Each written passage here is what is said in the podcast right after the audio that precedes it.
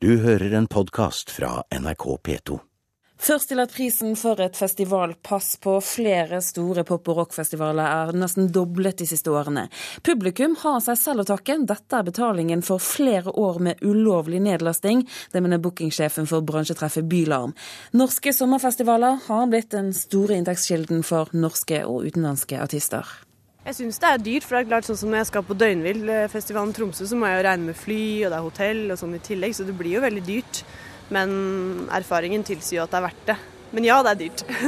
Sier festivalgåer Ane Norén Thorsen. Et festivalpass til døgnville dager i Tromsø koster i år i underkant av 1700 kroner. Da det første publikummet stimet sammen på Alfheim stadion i 2007, la de hver igjen mindre enn 1000 kroner i festivalkassa.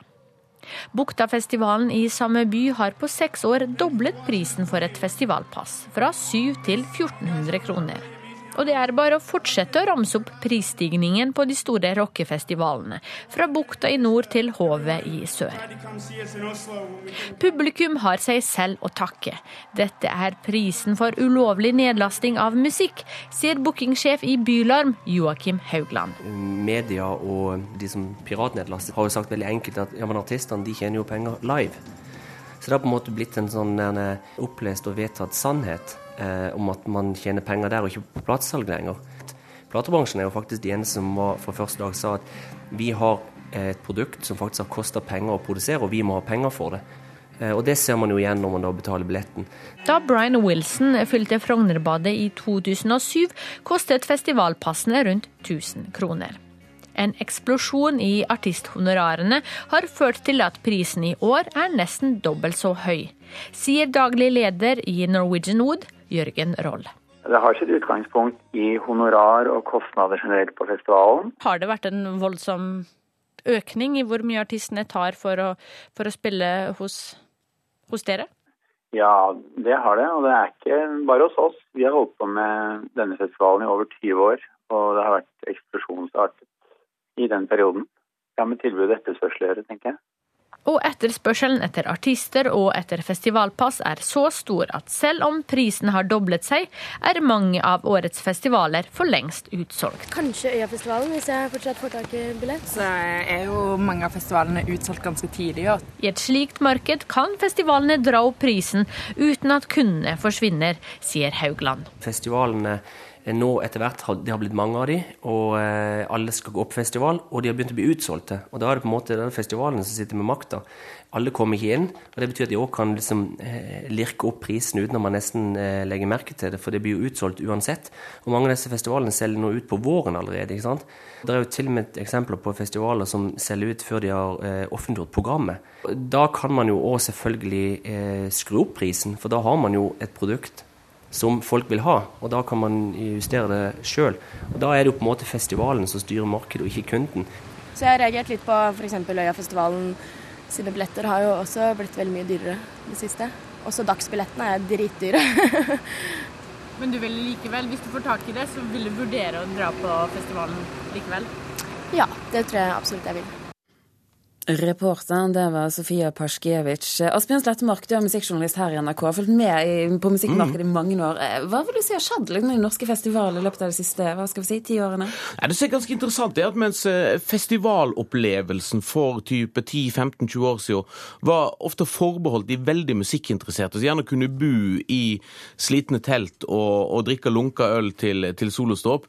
Um, altså, da, da var den gamle festivalopplevelsen. Nå er festivalopplevelsen blitt noe veldig mainstream, noe for et bredt publikum i Norge, som da har ført med seg at du får mer komfortfestivaler luksusfestivaler og òg nødvendigvis dyrere festivaler. For at folk stiller veldig mye høyere krav til festivaler enn en bare litt, litt Ringnes i et glass og et telt å bo i. Er det det som forklarer denne voldsomme prisøkningen? Ja, altså, det er jo det, det er jo litt vanskelig, for det er jo litt sånn irriterende og veldig mangefasettert. Og det er veldig mange grunner til at prisene går opp her. Men jeg tror det er en av grunnene til det. For at festivaler har blitt et litt sånn luksusferieobjekt mer enn bare noe for for rockefolket.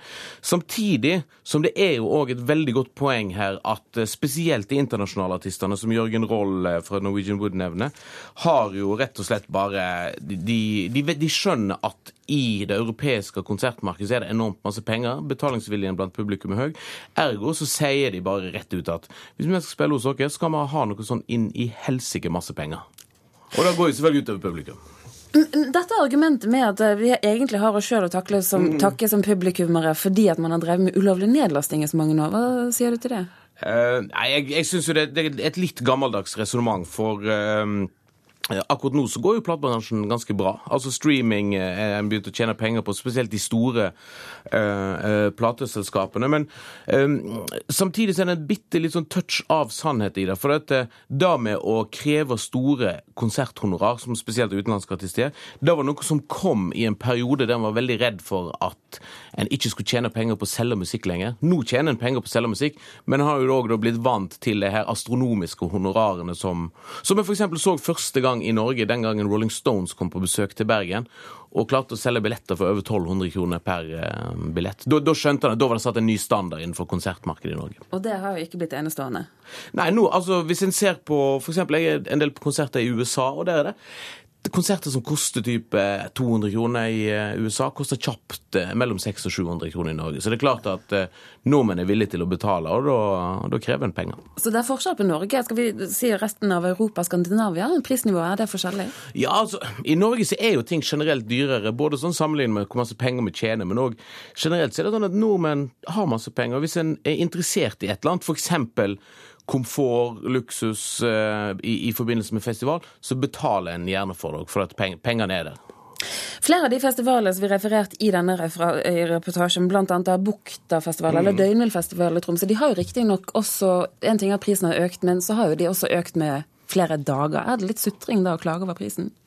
Jeg, jeg, jeg er litt usikker, for at um jeg tror nok at norske festivaler har blitt litt dyrere. Eh, men jeg tror det kommer òg i takt med at eh, norske festivaler har eller veldig mange store norske festivaler har bestemt seg for å virkelig satse beinhardt.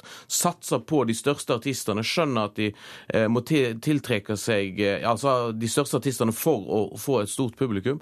Og det fører òg til at de tør å sette prisene eh, høyere opp. Begynner vi å nærme oss en grense? Maksgrense? Ja, det tror jeg. Jeg tror nok at eh, norske festivaler skal være ganske forsiktige med å, å heve prisene veldig mye mer enn hva de, hva de gjør nå. Asbjørn Slettmark, takk for at du var med oss her i Kulturnytt. Debatten rundt salget av Oslo kino har rast de siste dagene, og i går kveld så sa kulturkomiteen i Oslo kommune ja til å selge, men politikerne ble møtt med protester fra filmbransjen. Da vil vi fra bransjen gjerne dele ut en liten eh, sak til dere, så dere kan gjøre en liten tenking fram til vi står på onsdag. I går troppet norsk filmbransje mannsterke opp for å protestere mot salg av Oslo kino. Norges mest kjente filmregissører delte ut protestbrev til Oslo-politikerne etter at kulturkomiteen hadde sagt ja til salg av Oslo kino. I morgen ligger det an til at Oslo bystyre velger å selge Norges største kinoselskap. Regissør Petter Næss synes det ikke er noen god idé å selge Oslo kino. Jeg syns jo ikke det er noe særlig bra tanke å selge Oslo kino. Jeg synes ikke. Jeg tror rett og slett ikke at eh, kommersielle krefter kan drive det like bredt og interessant for publikum. Øystein Sundelin i Oslo kommune mener vedtaket vil være bra for utviklingen av Oslo kino. Eh, der sier komiteens eh, flertall en del ting om evnen til å utvikle Oslo kino videre. Og da tenker vi både i forhold til kapasitet og omfang, og også det kulturelle. Hva slags mulighet har dere til å stille noe krav om, om det kulturelle? Gjennom konsesjonsvilkårene så vil vi ha en eh, hel del eh, verktøy til å kunne stille krav til de, de eller den som måtte drive kino i eh, Oslo. Og det må man utøve på den måten man alltid utøver konsesjonsvilkår. Øystein Sundelin er leder av Oslos kommunes kulturkomité. Reportere var Ina Charlotte Fjelløy og Eirin Venås Sivertsen.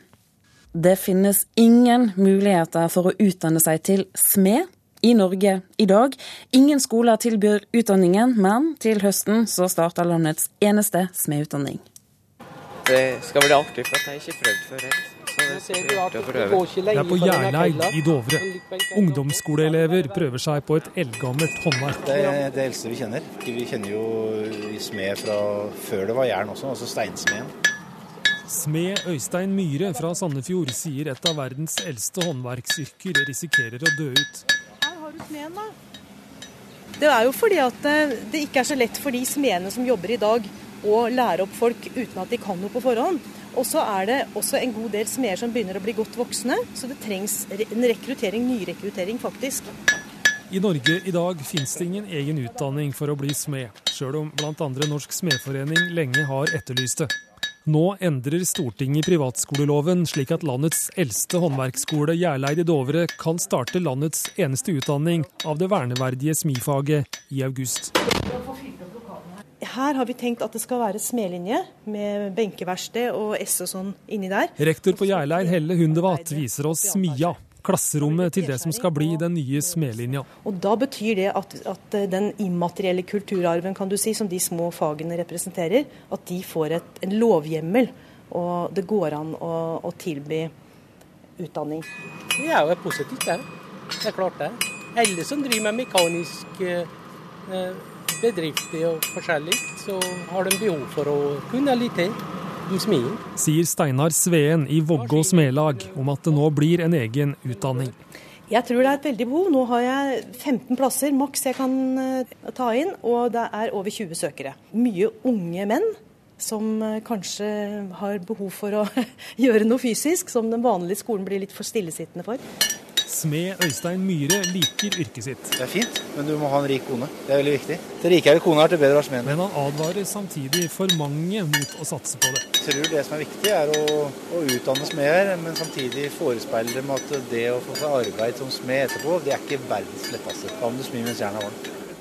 Fire-fem år tar det å utdanne seg til smed. Men eh, er det behov for smed i dag? da? Hva lager en smed i 2012? En smed lager det samme som er gjort for 2000 år siden eller 5000 år siden. Eh, verktøy. Beslag, hengsler. Vi har jo masse bygninger i Norge. Mange verneverdige. De trenger restaurering. Både på det eksteriørmessige, men også på det tekniske restaurering. Altså det med å istandsette, ta ut gammelt, råttent, dårlig tømmer og erstatte med nytt, og da bruke verktøy sånn som var på den tida. Er det bygg her fra Dovre fra 1800-tallet, så kan man jo bruke 1800-tallets verktøy fra denne delen av landet. Med varmen og tøyen ut Sjuendeklassingene har fått en forsmak på smedyrket. Kniv og hestesko og alt Men de er ikke sikre på om det er det de vil satse på. Nei, ikke akkurat smed, men det har jo selvsagt vært artig å prøve. Og reporter her, det var Stein Eide. Du har hørt en podkast fra NRK P2.